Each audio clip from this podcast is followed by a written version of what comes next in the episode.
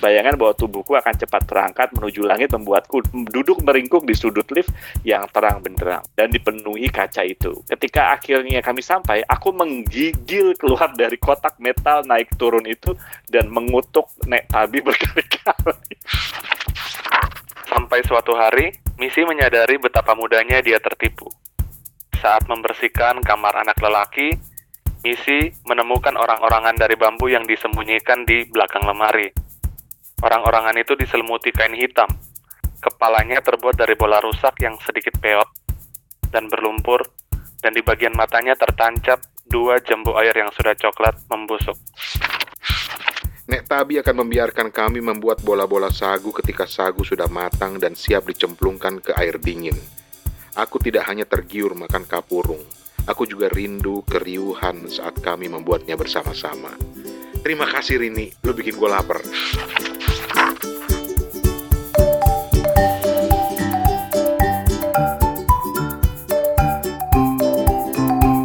Teman-teman kita ketemu lagi di Kepo Buku. Van, Ya, halo Bang Rane, Mas Toto. apa kabar Van? Sehat, ini cuacanya cerah sekali nih. Tok, Kalau di Ambon tadi cuacanya baik-baik aja, kalau di Singapura juga baik-baik aja, suhunya 29 derajat Celcius, humidity-nya 46%, dengan kadar eh, partikel berbahayanya cuma 0,9 jadi sangat ekstrim banget gitu secara udara. Itulah ciri khasnya orang Singapura kalau ngomong. Dan saat kita sedang rekaman ini pada hari Jumat 28 Januari 2022, kita juga dapat kabar bahwa podcast Sontoloyo ini masuk sebagai nomine untuk kategori ulasan dari Indonesian Podcast Award. eh, sombong. Sombong, sombong. Nggak boleh sombong. Enggak, ini karena ada tamu, jadi kita harus sombong. Sombong. Gue sih udah bikin jas, gue udah bikin jas. Steven udah siap-siap, dia bikin batik, dia batik, batik khas Ambon. Sekarang gue lagi nyari bunga, kan biasanya ada bunga gitu. lu lu just buat hargaan apa mau? Iya, apa mau buat datang kawinan? Kalau gue udah siap pakai, gue udah siap, gue udah bikin singlet. Oh lu pakai hoodie ya? Lu pakai singlet tapi ada hoodie-nya. pakai hoodie. Ah udah, ah. jadi nggak enak nih sama tamu, jadi jadi sombong banget. Eh kenapa kita sombong? Nah, nih tamu kita beruntung nih. Dia datang sebelum ada pengumuman menang. Kenapa? Kalau setelah pengumuman menang, kita menang, bayar dia datang di sini. ya nggak? Setelah kita menang, setiap tamu harus bayar. Enak aja benar, ya kan? Podcast lu datang ke sini bayar dong. Eh, eh, jangan sombong. Lah Lu digamparin sama Nek Tabi nanti lo. Lu kenal Nek Tabi nggak? Iya kenal Nek Tabi kan? Nek Tabi itu udah halaman berapa? Ada di sebuah halaman kayaknya. Gue jadi takut lu bener sama Nek Tabi lu serem banget gitu kak gambarnya. Tapi oke, kita akan temuin Nek Tabi. Eh, Nek- bukan temuin Nek Tabi maksudnya. Kenapa jadi temuin Nek Tabi? Kita akan ke Belgia untuk ketemu dengan penulis novel yang akan kita ajak ngobrol kali ini. Judul novelnya Misi.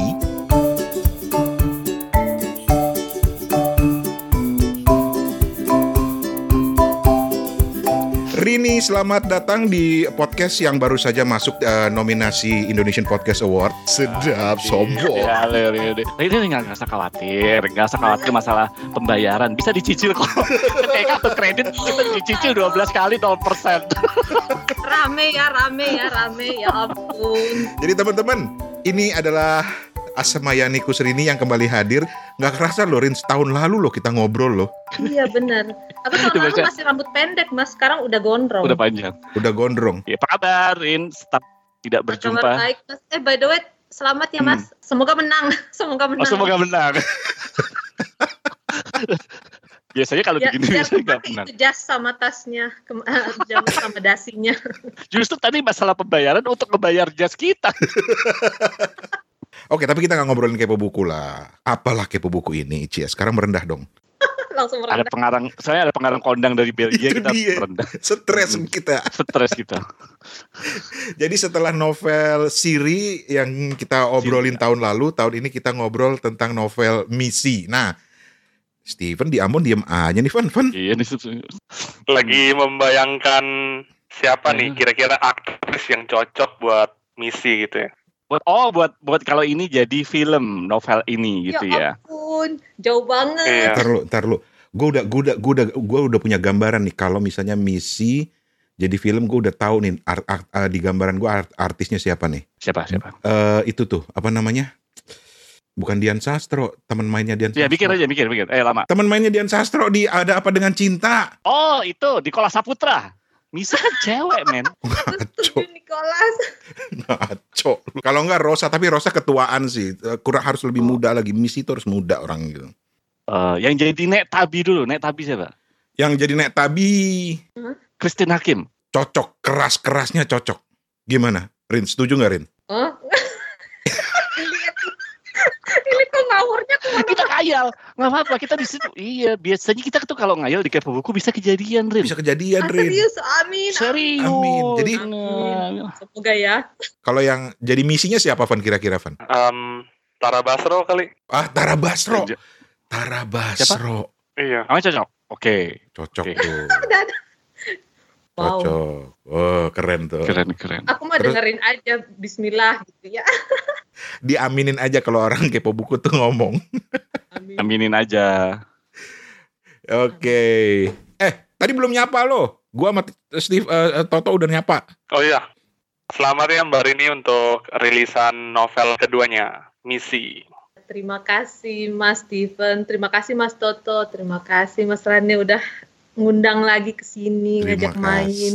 Eh, jadi gini prinsipnya karena di kepo buku ini. eh, salah satu alasan kita mengundang penulis beberapa kali gitu ya adalah karena kalau udah baca kita bisa nanya kalau nggak ada, ada yang nggak paham. Iya iya iya. Terus kita juga bisa baca ulang dengan perspektif yang berbeda karena mungkin perspektif dari penulisnya tentu akan berbeda dengan pen- eh, perspektif pembacanya ya nggak. Ah, Dan kalau belum baca kita kayak seolah-olah mendapat panduan untuk membacanya gimana gitu loh. Oh ini yang di kepo buku begini nih ceritanya gitu. Makanya kita undang Rini di sini. dan tapi kebanyakan itu kan satu dua tiga kita gitu kan Ah. kebanyakan. Kebanyakan sih yang keempat. apa tuh? Kita bisa menghujat langsung pengarangnya. Oke. Ri- Rini udah, gua gak mau, gua gak mau. Tahun depan gue nggak mau ke sini lagi ya kalau novel gue yang ketiga keluar. Oke. Ya. Sebelumnya gini, eh, kebiasaan kita, kita pasti akan minta dari perspektif yang udah baca dulu. Toto, Rane, Hmm. Steven udah baca gitu ya.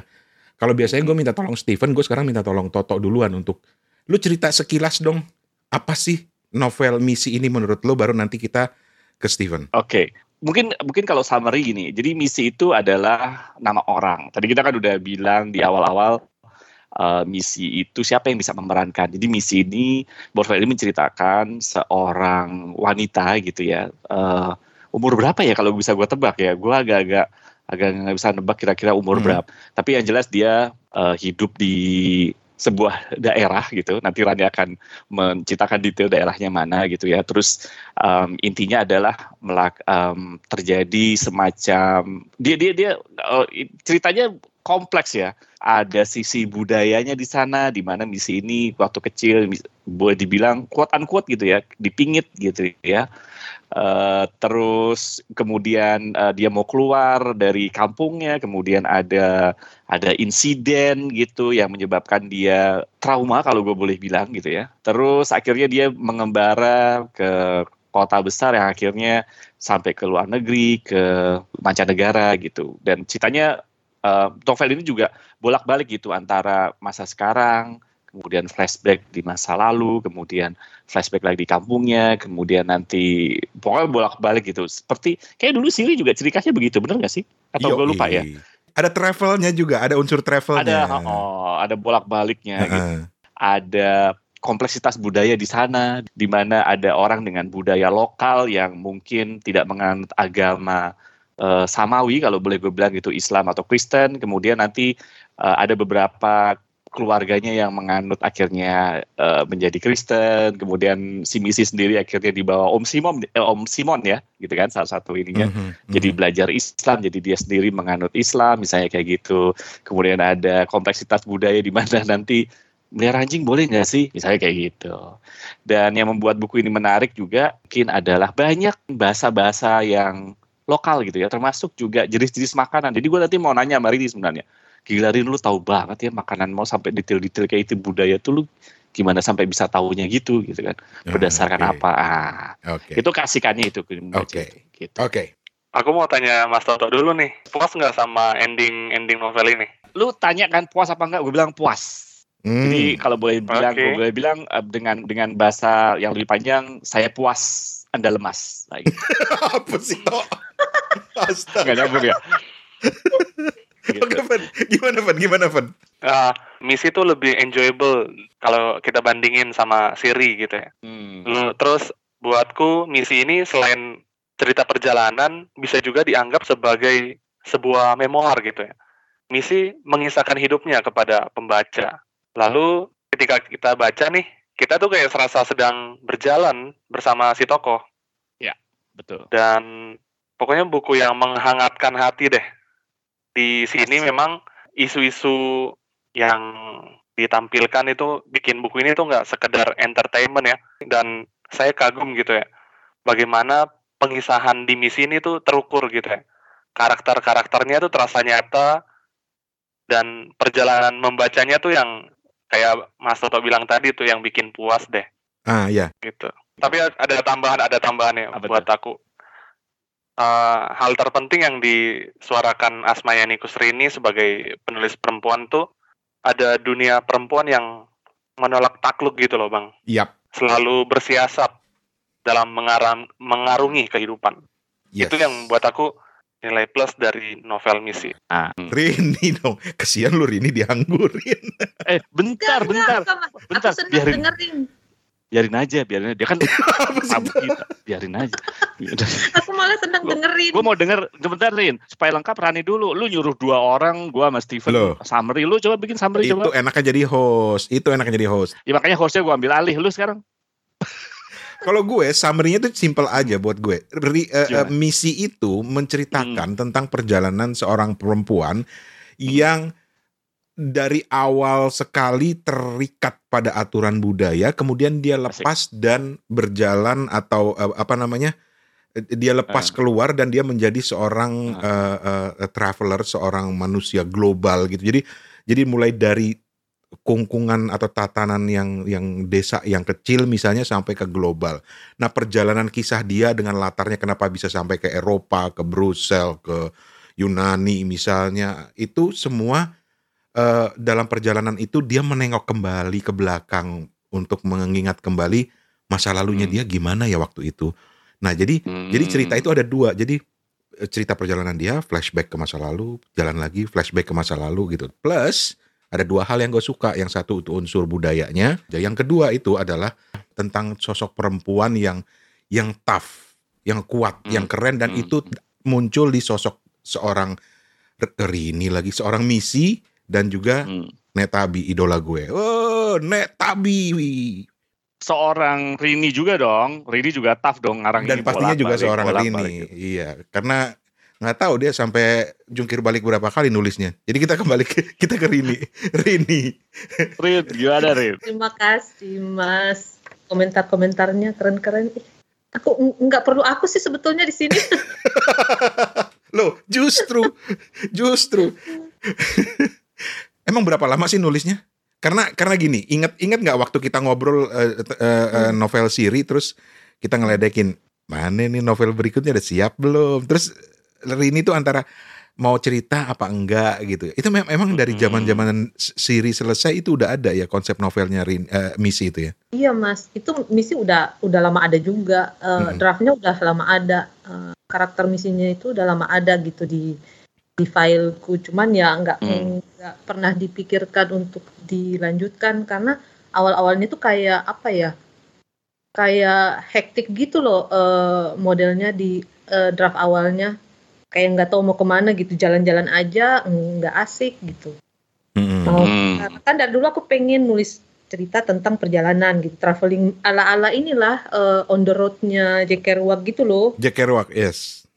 Oke ala-ala kayak gitu. Cuman eh, kayaknya kok apa ya, ya nggak asik aja gitu. Jadi makanya aku tinggal, makanya waktu itu akhirnya ngerjain Siri. Nah, dan kebetulan Hmm. karena Siri akhirnya diterbitkan, eh, Ibu Ida nanya ada naskah lagi nggak? Ya itu deh baru aku kepikiran ada sih, cuman ya harus dikerjakan ulang lagi gitu. Hmm. Jadi eh, misi itu udah udah lama ada, Eh, Nek Tabi itu udah lama ada, cuman ya cerita perjalanannya itu akhirnya diolah lagi, diperbaiki lagi, terus diperdalam lagi risetnya gitu, baru deh jadi Hmm. setelah setelah eh, Siri. saya mau selamat malam dulu sama Ibu Ida eh, dari MCL Publishing eh, yang lagi dengerin eh, podcast ini. Saya cuma mau bilang, abis ini tagih yang novel yang ketiga ya. Mm-mm. Rini langsung pingsan. Aduh, ini Ternyata, ternyata, ternyata Bu Ida malah bilang, loh saya justru mau minta bantuan kepo buku buat nagih. aku tuh nggak berani sekarang bilang bilang ada ada Eh, waktu itu kan karena ama- masih excited sama Siri ya aku bilang langsung ada gitu Hmm. setelah itu ditagih-tagih Akhirnya- Nah, jadi sekarang untuk yang ketiga itu aku ng- enggak enggak ada enggak ada Nggak ada, Nggak ada. nggak ada, nggak ada. Ntar udah jadi baru bilang ada. Oke.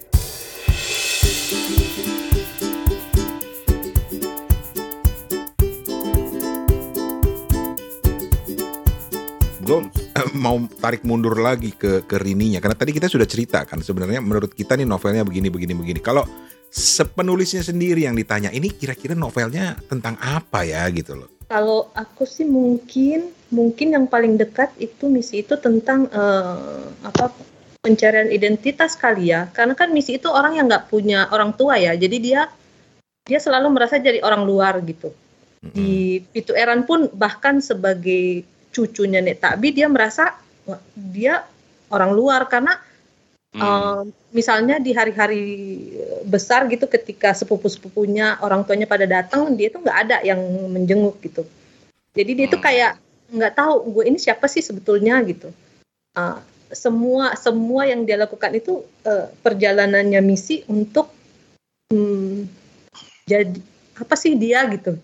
Itu sih kalau dari aku ya soal Hmm. identitas sebetulnya akhirnya dia harus tertrigger dulu ada yang nge-trigger untuk dia keluar dari dari cang cangklangnya cangkongnya Cangkangnya.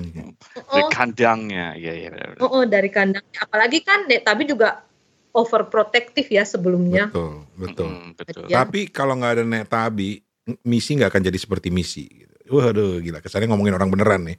Tapi buat gue itu tokoh yang sangat berperan. Karena teman-teman tadi kan eh, Rini udah bilang kan bahwa ini tentang apa ya eh, si sosok si misi itu yang berjuang segala macam. Tapi jangan lupakan bahwa ada sosok lain dari yaitu Nek Tabi yang membentuk karakter. Rini itu sampai dia bisa jadi seperti ini.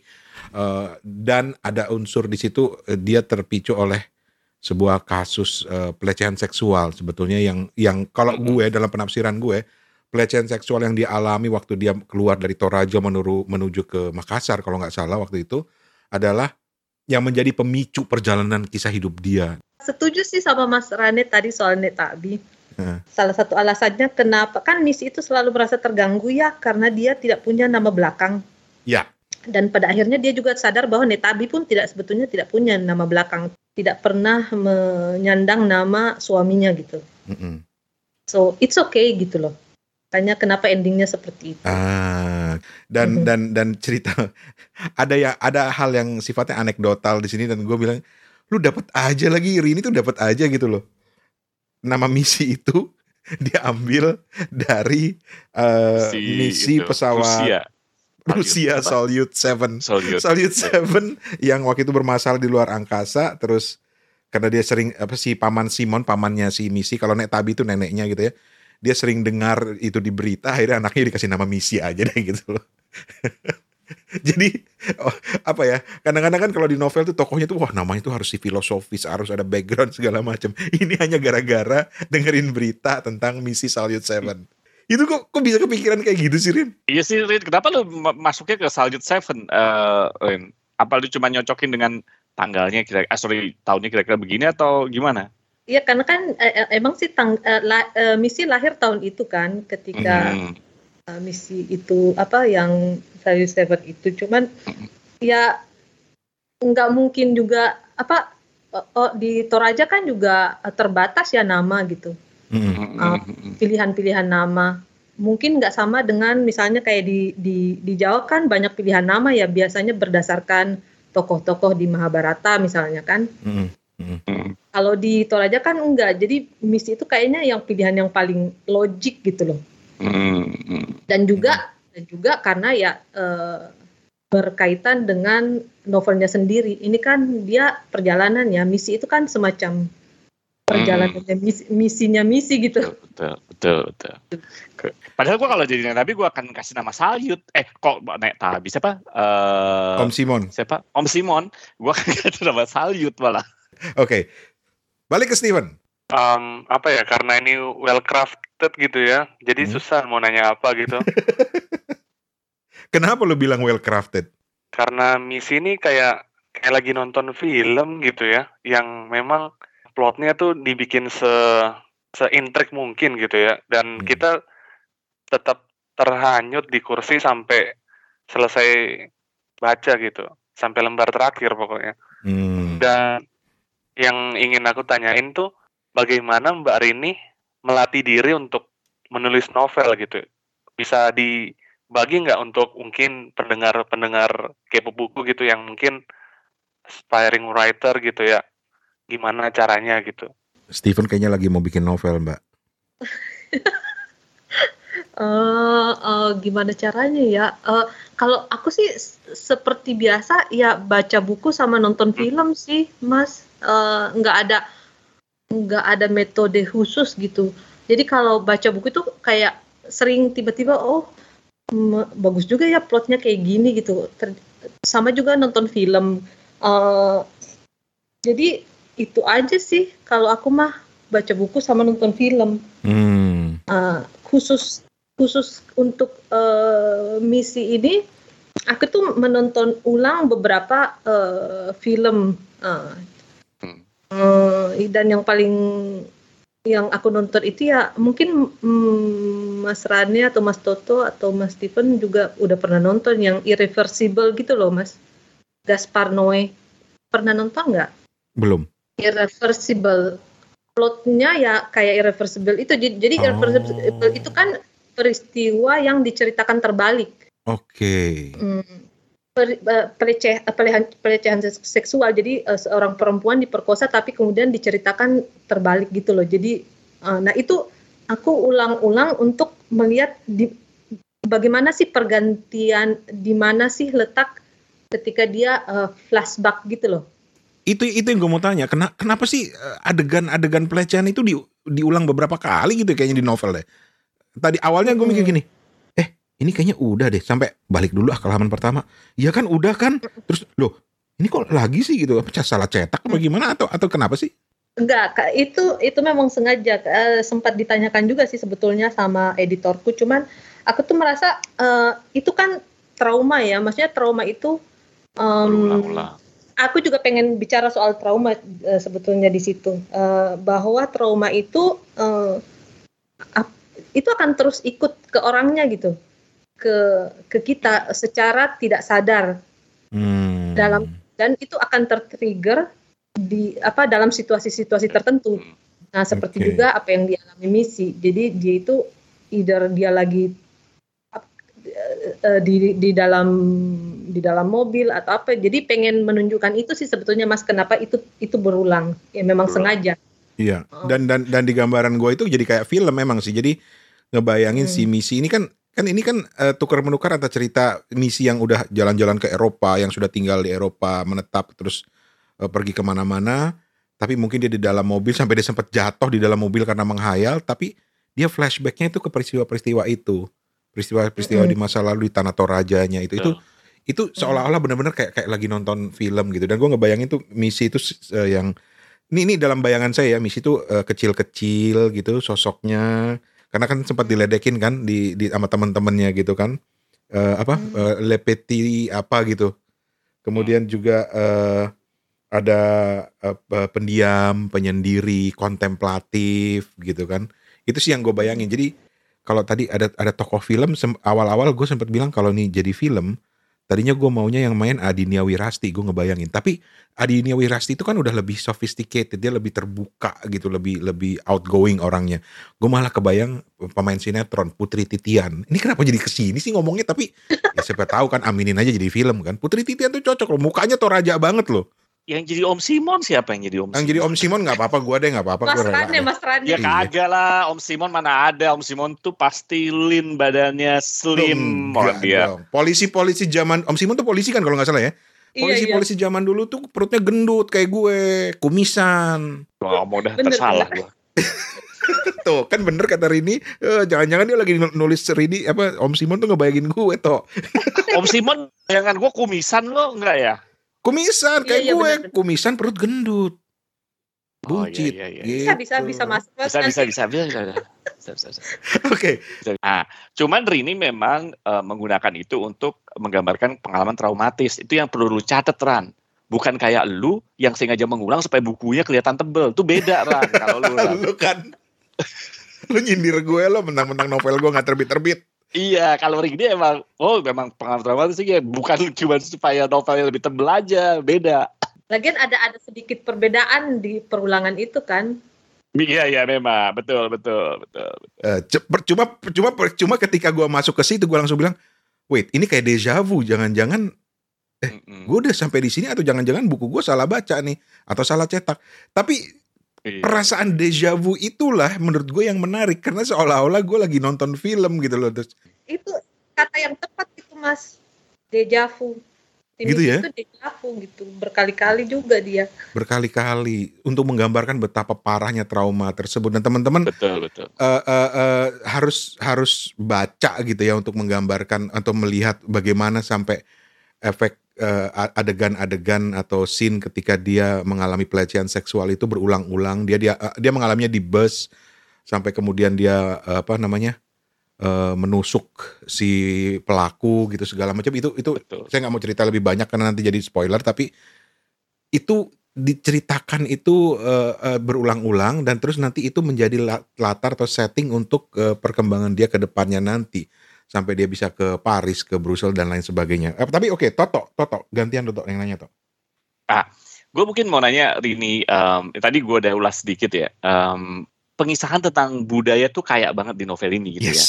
Ah, Dari segi bahasanya, dari segi informasinya, dari segi makanannya gitu. Makanan nggak cuma nama ya, nggak cuma nama. Bagaimana eh, apa ya, gi- gimana bikinnya gitu ya, gimana bikinnya, gimana ngebuatnya, gimana konteksnya seperti apa gitu. Kemudian belum lagi bahasanya yang dipakai gitu, percakapan segala macam. Rin, gimana lu bisa dapetin sesuatu yang dalam itu? Apakah itu memang pengalaman pribadi lu sebagai uh, orang yang paham betul atau lu mungkin bener-bener orang dari Toraja gitu ya atau memang lu riset bener-bener riset gimana lu bisa dapetin karena Iya. menurut gua novel ini kaya banget Ini kaya tuh bukan sekedar bahasa di situ bukan hanya sebagai cantelan gitu ya Pe- nama makanan bukan hanya sebagai cantelan tapi bener-bener gue bisa tahu gitu oh kayak begitu tuh di sana gitu Iya, dan dan sebelum Rini jawab gue tambahin. Gue seneng banget loh ada novel setting Toraja, sesuatu suatu budaya yang selama ini gue nggak pernah banyak tahu. Padahal Hmm, selalu hmm. jadi kebanggaan di luar sana gitu. Dan betul betul, betul. eh, mengingatkan gue bahwa gue punya novelnya Faisal Odang, Puya ke Puya kalau nggak jelas judulnya, kalau nggak salah judulnya, yang masih tertumpuk di di rak buku Sundoku gue dan belum terbaca sampai sekarang. Nah itu tuh konteksnya juga Toraja. Malah jadi ini bikin gue ah kayak gue nya kayaknya gue mau baca lagi deh eh, eh, bukunya Faisal Odang gitu. Mm-mm. Gimana Rin? Gimana Rin soal konteks budayanya ini? Ya benar tuh mas ada ada ada bukunya eh, Mas Faisal Odang juga kan tentang Toraja. Jadi kalau Mm-mm. kalau kalau Toraja aku sebetulnya sama sama Mas eh, eh, sama Mas Toto sama Mas Rane eh, Mm-mm. Stephen. Aku juga eh, cuman tahu Toraja itu ya eh, di luarnya aja sebelumnya. Kan Mm. tapi eh, ibuku kan se- setengah Toraja ya. Mm-mm. Jadi aku dulu menghabiskan liburan di Toraja eh, di tongkonan nenekku. Jadi Oke. eh, sedikit banyak aku pernah mengalami bagaimana di Toraja itu kalau kalau lagi ngumpul kadang bikin kapurung bareng gitu-gitu. Hmm. Tapi pengetahuanku tentang budaya Toraja pun sangat dangkal. Eh, Oke. Jadi ya ban- eh, eh, jadi yang ada di misi itu pertama berasal juga ya dari riset buku ya. Eh, Hmm. Ada beberapa ada ada tiga buku yang jadi referensi untuk eh, budaya Toraja. Ada beberapa buku lah untuk Hmm. referensi budaya Toraja dan tentu saja aku harus bertanya berkali-kali ke ibuku juga gitu Oke. yang seperti juga eh, seperti juga aku tuh ibu ibuku juga sebetulnya tidak paham benar dengan detail gitu loh ya Hmm. kan namanya orang Toraja dia mana tahu bagaimana uh, apa sih dia juga tidak terlalu paham secara detail jadi ya akhirnya lebih banyak dari buku soal informasi-informasi nama nama-nama okay. perayaan apa apa sih ritual-ritual ritual-ritual semua ya semua aku dapat dari buku walaupun pernah mengalami walaupun pernah juga ikut ambil bagian dari dari ritual-ritual itu tapi kan uh, seperti kita, semua orang juga ya nggak tahu uh, itu konteksnya apa kan. Kita ikut aja uh, hmm, kalau hmm. nah itu. Jadi banyakkan di buku sama uh, lebih banyak di buku sih akhirnya. Uh, tapi aku rasa kalau aku hmm, nggak pernah ke Toraja atau tidak bersentuhan langsung dengan Toraja mungkin itu akan sulit ya. Mm-hmm. Tapi kebetulan mm. kebetulan ya itu. Karena ada latar ya. Uh-uh, jadi ada ada sedikit uh, sedikit mm. sih. Jadi baru baru baru setelah nulis inilah aku tahu bahwa ternyata di Toraja perkawinan adatnya itu ternyata um, semuanya udah dibicarakan duluan gitu loh. Kayak misalnya kalau cerai gimana hmm. gitu bayarnya berapa gitu gitu hmm. loh itu kan unik ya hmm. Hal-hal hmm. yang orang tuh nggak nggak pernah ngeh soal itu tapi ternyata ada di Toraja seperti itu oh adatnya orang kalau nikah misalnya dengan uh, jadi pakai pakai kasta juga ya misalnya menikah dengan kasta bangsawan jadi kalau misalnya cerai lu harus bayar bayar denda lah eh, istilahnya hmm. ke yang ke yang diselingkuhi seperti hmm. itu loh mas. Itu ada aturannya ternyata. Hmm. menarik ya dan dan dan dan dan apa namanya? Uh, misalnya juga contoh yang paling gue suka itu ketika uh, secara anekdotal juga si tokohnya bilang udah hmm. pindah agama aja ke Kristen. Karena agama agama asli Toraja itu kan uh, apa ya uh, animisme atau animisme ya gitu ya. Aluk Todolo. Ah, ah Aluk Todolo. Nah Terus dia secara anekdotal dia bilang, "Kenapa kalau pindah ke Kristen bisa makan babi?" katanya gitu. Itu atau bisa bisa ikut pesta rambu solo dia bilang gitu. Karena karena kan memang ya kadang-kadang ada perbenturan antara agama dan adat dan itu menarik banget gitu. Menarik banget.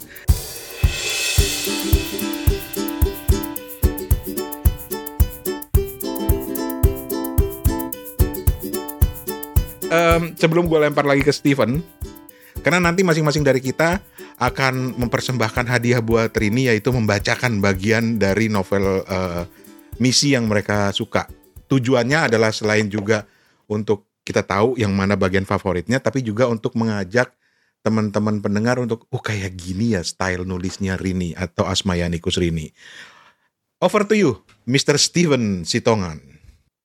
Buat aku tuh yang dilukiskan di Torajanya itu dengan sangat detail tuh amazing ya Bang Rane ya. Ketika hmm. misalnya um, mereka bisa pergi mandiin tedong di sungai.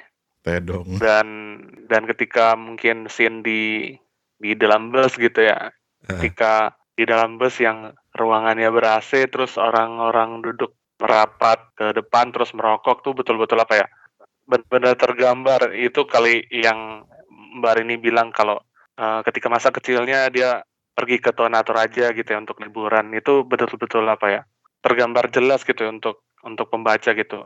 Hmm. Tapi aku nggak tahu ya kalau misalnya yang belum ke Toraja dan menikmati buku ini tuh kira-kira apakah tetap bisa menikmati, tetap tergambarkan misalnya gitu, Mas Toto? Menurut gue sih tergambar banget gitu. Uh, makanya gue bilang novel ini uh, uh, kaya sekali dengan penggambaran budayanya. Walaupun mungkin tidak semua bisa digambarkan kan, memang terpilih. Tapi menurut gue ya, makanya gue bilang dari awal ini menggambar budayanya keren banget gini ya. Um, gue cemes sih sampai sekarang dengan kata-kata. Walaupun mungkin gue nggak bisa nggak bisa membacanya dengan intonasi atau dengan aksen atau dengan pronunciation yang tepat gitu. Tapi banyak hmm. banget gitu Misalnya nih, contoh nih, misalnya di hmm. halaman hmm. 169 nih, untuk menggambarkan bagaimana kayanya gitu. Ini ketika hmm. misi uh, apa namanya diantar, ketika misi harus keluar dari eh, kampungnya ya waktu itu gitu. Hmm. Nah hari itu Tante Santi dan Om Simon datang membawa gogos dan baje tenteng untuk bekal di perjalanan. Om Simon berbisik, Landong kilakna tondok saungan bara nina palengon nak Gua nggak tahu cara bacanya gimana ya, tapi bahasa bahasa lokalnya begitu. Sambil menepuk pundakku. Sementara tante Santi berpesan, baik-baik kau di tempat orang, jangan bikin susah. Terus ada juga um, uh, paragraf yang sebelumnya juga ada kutipan, ada juga menggunakan bahasa lokal sana yaitu dia bilang nasibku akan lebih baik jika ya, aku ikut perempuan itu. Tapi aku merasa nasibku seperti pasoloan dalam dongeng yang biasa diceritakan nenekku sebelum uh, sebelum kami tidur. Nah, gue baru tahu nih, ternyata dilanjutkan lagi pasoloan, gadis cerita anak campuran peri air dan manusia, dijatuhi hukuman di teke banang mamata, yang artinya yang bersalah harus segera diusir, pergi meninggalkan kampung dan dilarang kembali lagi. Nah, excerpt kayak gini gitu ya, apa namanya insert eh, bahasa-bahasa lokal, kemudian ada oh cerita tentang yang namanya pasoloan. Menurut gue itu yang membuat novel ini kaya gitu dan dan ada halaman sayangnya gue gua nggak nggak bookmark tapi ada halaman yang menggambarkan uh, mungkin Rani musik punya nih karena kalau Rani kan biasanya kalau makanan cepet ya bookmark gitu ya. Gambar penggambaran proses nama makanannya apa makanya gue simpen itu save the best for last itu. Nah, itu udah gue siapin itu. itu favorit gue ya, salah satu ya. Tapi gue kadang-kadang juga suka uh. dengan dengan dengan misi yang konteks misi itu tergambarkan ketika dia uh, dari kampung, tidak pernah keluar gitu ya. Dan lucunya ketika dia menceritakan bagaimana dia uh, berkenalan pertama kali dengan Kentucky Fried Chicken gitu oh, kan. Oh iya iya iya iya betul betul. Tapi betul. di sini ditulisnya Kentucky Fried Chicken ya. Bener ini salah apa? Karena tulisannya Kentucky Fried Chicken gitu. Tapi yang lucu yang menurut gue gue ketawa gitu ketika dia harus naik ke tangga dua-dua gitu. Uh, si sopir dan ibu Julia itu mendorong misi supaya mau naik lift. Mereka bersusah payah mendorongku agar mau nahu, mau agar mau masuk lift. Pak sopir tidak bisa menahan ketawanya ketika itu. Emangnya kamu mau naik tangga sampai lantai dua-dua? Mendengar angka dua-dua, aku semakin ketakutan sampai Pak sopir terpaksa mendorongku masuk sebelum dia menutup pintu lift dari luar. Hmm. Perjalanan dari lantai dasar ke lantai 22 itu sungguh menyiksa dan sama mengerikannya dengan melayang di angkasa selama dua jam. Bayangan bahwa tubuhku akan cepat terangkat menuju langit membuatku duduk meringkuk di, duduk meringkuk di sudut lift yang terang benderang dan dipenuhi kaca itu. Ketika akhirnya kami sampai, aku menggigil keluar dari kotak metal naik turun itu dan mengutuk nek tabi berkali-kali. jadi jadi lucu kalau menurut gua. Gua, gua, gua mungkin kalau bilang uh, ya ya ya kutipan-kutipan seperti ini yang dan banyak lagi juga sebelum sebelum rekaman ini Rane bilang gitu, eh kita harus nyiapin paragraf yang favorit. Gak bisa paragraf gua itu 332 ini gitu. Jadi kalau gua ya susah gitu. Asik. It, bener gua gua gak, gua gak bohong ya ada di di, di chattingan ini gak ada gua bilang. Gak ada semuanya favorit gitu ya. Semua favorit karena uh, uh, hal kecil kayak gini nih yang gue suka gitu menggambarkan hmm. bagaimana misi nanti ada juga Randra yang terangnya menurut gue kan uh, Randra ya bener ya Randra ya, Tokoh ya, Randra ya. Ada tokoh Randra. Lu kan tadi mengatakan bagaimana orang berjuang, misi juga berjuang, uh, Nek Tabi juga berjuang. Menurut gua Randra berjuang karena dia pernah juga menjadi uh, model majalah porno tapi bangkit. model porno ya, bener nggak? Bener iya, nggak? Ya, bener nggak? Nah, itu gue melihat kemenggambaran ya. keren banget gitu kan. Tapi karena gue awalnya nggak konteksnya gue nggak tahu Randra itu nama apa. Gue pikir awalnya ketika Randra um, pacarnya si siapa? Uh, gue uh, uh, gue pikir oh ini ini ada pasangan gay nih. Karena gue nggak tahu Randa itu cewek apa cowok awalnya gitu kan. Hmm. baru oh dia cewek. Gue pikir ini mengangkat isu isu-isu LGBT juga gitu. Bayangan gue hmm. awalnya gitu. Ternyata oh belum enggak, belum nanti. belum belum. Nanti itu kan nanti tahu, hore. Betul, ada nanti ada nanti. terwakili oke. Okay. terus? Yes. tambah stres. Iya, tapi tapi gue miss dengan Landra karena, wih keren banget nih. Jadi kalau lu bilang uh, Nek Tabi, ya lu bilang misi, ya itu tokoh utama. Tapi di sisi Landra juga bilang, ini bagaimana orang juga berjuang gitu. Apa pun jalannya akhirnya dia kan kayak juga kuliah, lagi gitu kan ya, mm -hmm. ya. Iya Ini keren banget menurut gue gitu. Oke. Okay. Tapi sekarang kita menuju ke Steven yang akan mempersembahkan bagian favoritnya dari novel Misi untuk Kak Rini kita, tamu kita terhormat ini. Yeah. ya boleh. Pan, silakan Pan, silakan Pan. Ini sebenarnya nggak ada persiapan sebelumnya ya, tapi hmm. karena diminta untuk paragraf favorit, aku buka dan sampai di halaman ini, halaman 138 ya, bunyinya demikian. Sampai suatu hari, Misi menyadari betapa mudahnya dia tertipu. Saat membersihkan kamar anak lelaki, Misi menemukan orang-orangan dari bambu yang disembunyikan di belakang lemari. Orang-orangan itu diselimuti kain hitam. Kepalanya terbuat dari bola rusak yang sedikit peot dan berlumpur, dan di bagian matanya tertancap dua jambu air yang sudah coklat membusuk. Bola rusak itu bermakotakan kulit jagung yang dijahit sambung menyambung sehingga terlihat seperti rambut panjang terjulur menutupi wajah dan menonjolkan dua matanya yang terbuat dari jambu air. Misi merasa dibodohi. Dia memang selalu selalu curiga dengan cerita-cerita Nathan, tapi tak pernah punya cukup keberanian untuk membuktikannya.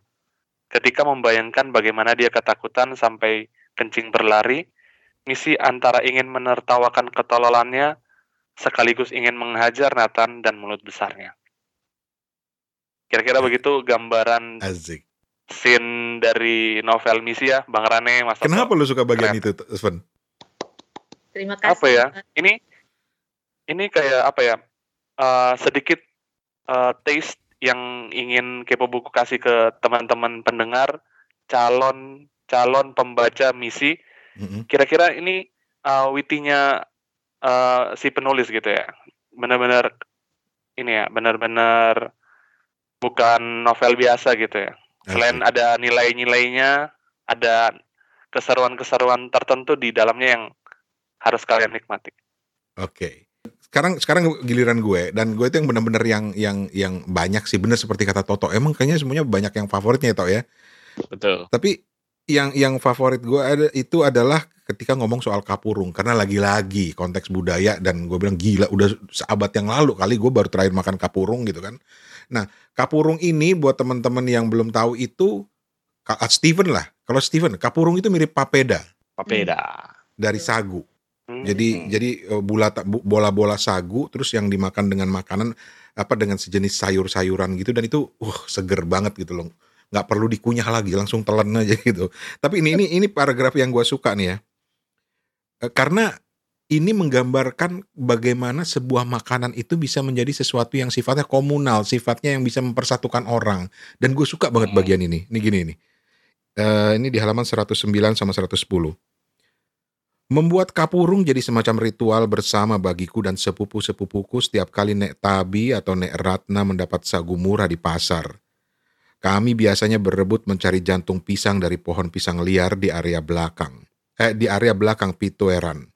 Kemudian lanjut memanjat pohon mangga untuk mendapatkan mangga muda yang asamnya bikin meringis.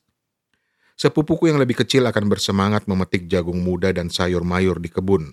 Lalu kami akan berkumpul di bawah tongkonan, rebutan berada paling depan dan paling dekat dengan baskom sagu saat Nek Tabi menyiram, menyiramnya dengan air panas. Ini momen yang gue suka banget karena ini deskriptif banget dan gue langsung tahu tuh kayak apa tuh ketika sagu disiram dengan air panas. Terus ada tambahan sedikit. Nek Tabi akan membiarkan kami membuat bola-bola sagu ketika sagu sudah matang dan siap dicemplungkan ke air dingin. Aku tidak hanya tergiur makan kapurung, aku juga rindu keriuhan saat kami membuatnya bersama-sama. Terima kasih Rini, lu bikin gue lapar. Aduh jadi pengen makan kapurung. Iya kan? Kapurung itu kan kenyal-kenyal gitu, tapi ada pedas-pedasnya, ada ada ada ada jenis yang pakai santan gitu. Oh my Iya. god. Sebetulnya sih itu bukan makanan tradisional Toraja ya. Bukan, Cuman bukan. Heeh. Tapi di sekitar situ gitu loh, sekitar Toraja juga ini. Di Hmm. Enrekang juga ada kan sebetulnya. Dan Rekang ada di Wajo juga ada. Pokoknya itu ya kita sebut saja itu makanan khas Sulawesi Selatan lah. Iya betul, betul betul. Gitu. Oke. Eh, satu pertanyaan lagi sebelum kita akan me- menanyakan satu hal penting kepada Rini terkait novelnya ini. Coba penting, semuanya penting kok. Ada ada satu pesan penting yang yang dibalik semua kesenangan membaca novel misi ini, yaitu mengenai eh, apa ya? Gue nggak mau bilang itu kesetaraan gender atau masalah isu gender, tapi eh, eh, tentang bagaimana sosok perempuan itu harus kuat, harus tegar gitu. Gue menangkap pesan itu. Apakah lu memang dengan sengaja, Rin, ingin menyampaikan pesan itu? Kalau memang iya, apa sih yang ingin disampaikan kepada teman-teman sesama eh, apa namanya sama, sama sesama perempuan gitu? Iya mas, benar banget tuh mas uh, emang sengaja sih uh, um, pilihan-pilihan uh, apa tokoh-tokoh perempuan di situ memang sengaja karena saya ingin bilang bahwa setiap perempuan itu kan punya uh, uh, apa ya tantangannya sendiri ya di, di baik itu yang tinggal di pedalaman baik itu yang tinggal di di kota gitu jadi uh, setiap perempuan punya apa tantangannya sendiri gitu. Hmm. Setiap profesi, setiap uh, usia, setiap um, komunitas uh, se hmm. itu pasti punya tantangannya sendiri sebagai perempuan dan pengennya ini tuh semacam uh, misi itu juga semacam uh, pengen bilang bahwa kehidupan perempuan yang um, dianggap tidak menarik itu sebetulnya bisa menarik juga gitu kalau kita mau lihat uh, dengan detail. Hmm. Jadi kan seperti Miss itu kan dia pembantu ya awalnya. Yep. Saya itu sering kita itu sering abai gitu dengan uh, profesi ini, tapi sebetulnya mereka juga punya punya hidupnya sendiri, punya cita-citanya sendiri dan dan kadang kita tuh kayak menganggap remeh kan biasanya uh, hmm. apa hmm. profesi-profesi seperti ini juga seperti Nek Tabi. Banyak perempuan-perempuan kuat di luar sana yang yang jarang sekali diceritakan uh, di di sastra kita gitu di di hmm. di novel-novel Indonesia. Ya, aku juga pu punya keterbatasan sih membaca novel-novel di Indonesia ya karena hmm. ya hmm. karena ada jarak tapi uh, pengen juga mem mem menyajikan variasi tokoh-tokoh perempuan uh, di di novel ya ini semacam sumbangsihku gitu uh, bahwa ini adalah perempuan-perempuan seperti ini di, di luar sana yang mungkin kita tidak terlalu perhatikan. Gitu, gitu sih mas. Apakah itu ada gambaran eh, perempuan-perempuan hebat itu dalam kehidupan seorang Rini yang menginspirasi novel ini? Iya, hampir-hampir semua yang saya ceritakan di, di di misi, bahkan di Siri pun semuanya uh, terinspirasi dari sosok real sih, Mas. Hmm. Oke. Okay. Jadi jadi penasaran pengen ketemu Netabinya. uh, tap, uh, inspirasi Netabinya sayangnya Netabinya udah meninggal. Oh, udah nggak ada. Oh, Oke. Okay. Dan dan uh, kepada Bu Ida dan teman-teman lain yang mungkin dekat dengan dunia perfilman, kalau misi ini jadi film keren banget dan please Christine Hakim ya jadi Netabinya ya. Hmm, cocok. cocok.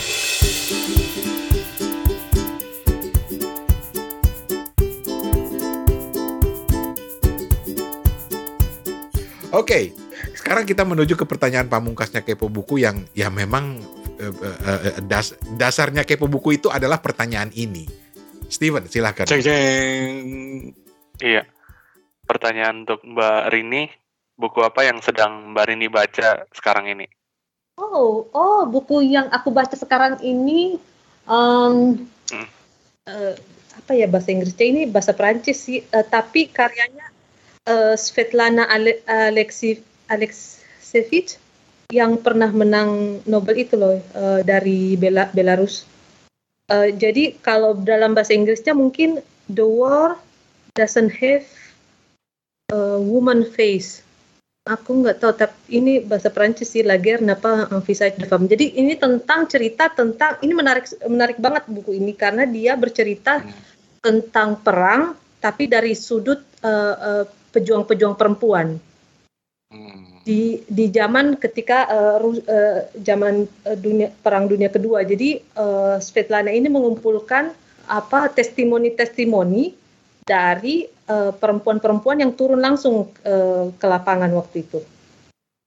Dia, hmm. Karena kan selalu uh, di setiap buku-buku tentang perang itu kan selalu dari perspektif laki-laki ya, selalu heroik, ya selalu um, digambarkan tentang bagaimana mereka memenangkan uh, sebuah perang gitu. Sementara tidak pernah sekalipun ada dari uh, sudut pandang perempuan. Kalaupun ada itu pasti dari sisi heroiknya.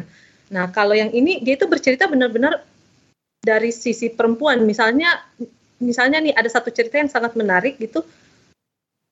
Ketika mereka harus um, maju ke medan perang, kan kebanyakan mereka umurnya yang 17 tahun gitu gadis-gadis hmm. muda gitu yang harus terpaksa diturunkan karena tidak banyak laki-laki yang udah apa tewas gitu ya.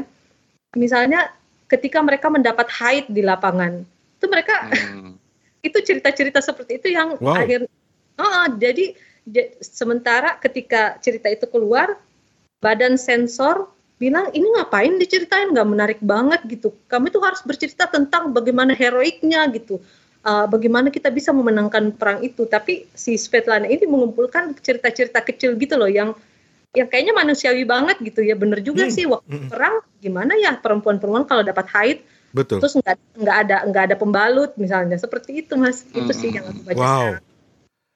Svetlana Alexievich Uh, yep. The war does not have a woman's face kalau yang saya baca di sini. Ah, war iya, iya, does does not have a woman's face face. Iya. Dan aku suka karena kan dia ber, uh, menulis itu kayak sebagai jurnalis ya. Jadi uh, dia juga memberikan ini perspektifnya sebagai jurnalis bahwa tidak selalu mudah untuk mendekati narasumber. Dan hmm. itu dia ceritakan juga. Oke. Okay. Oke. Okay. Thank you banget loh Rini dan terakhir ini yeah. paling akhir uh, kalau Rini yang cerita ini kesannya kan masa yang nulis yang jualan gitu. Tapi uh, buat temen-temen yang baca Toto kalau to kalau lu harus uh, bilang ke temen lu lu kudu baca buku ini apa yang lu mau bilang ke mereka Tok?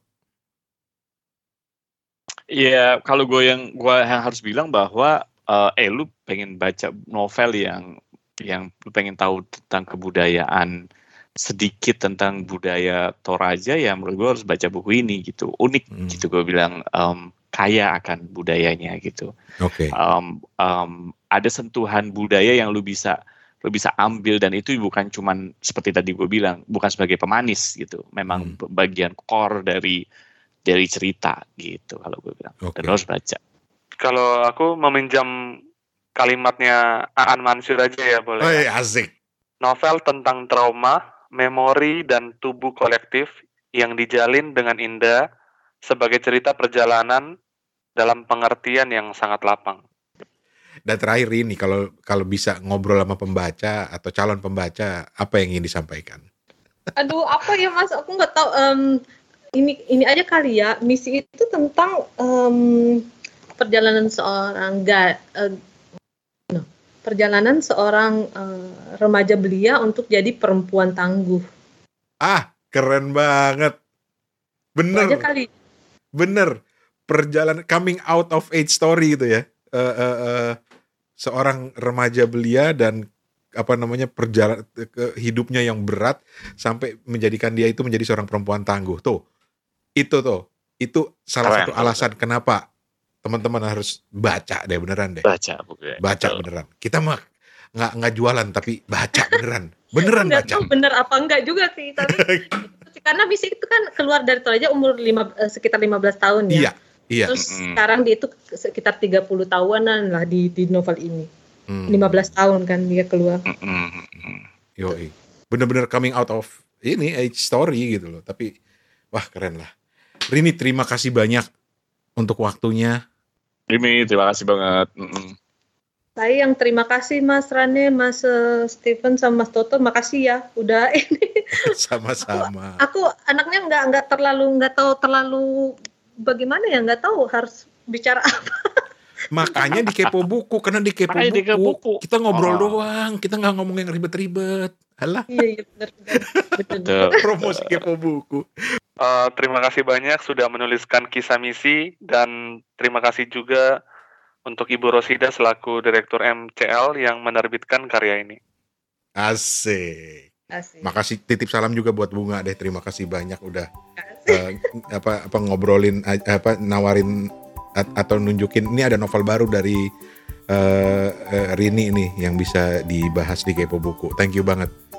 Dan begitulah teman-teman kepo buku hari ini kita cuma ngobrol-ngobrol aja kok. Jadi nggak nggak nggak bikin mudah-mudahan nggak bikin dahi teman-teman berkerut dan selamat membaca dan terus membaca gitu ya. Uh, Tok. Betul betul. Oke. Okay. Terima kasih Rini, terima kasih Toto, terima kasih Steven. Terima kasih semuanya. Terima kasih ya Mas.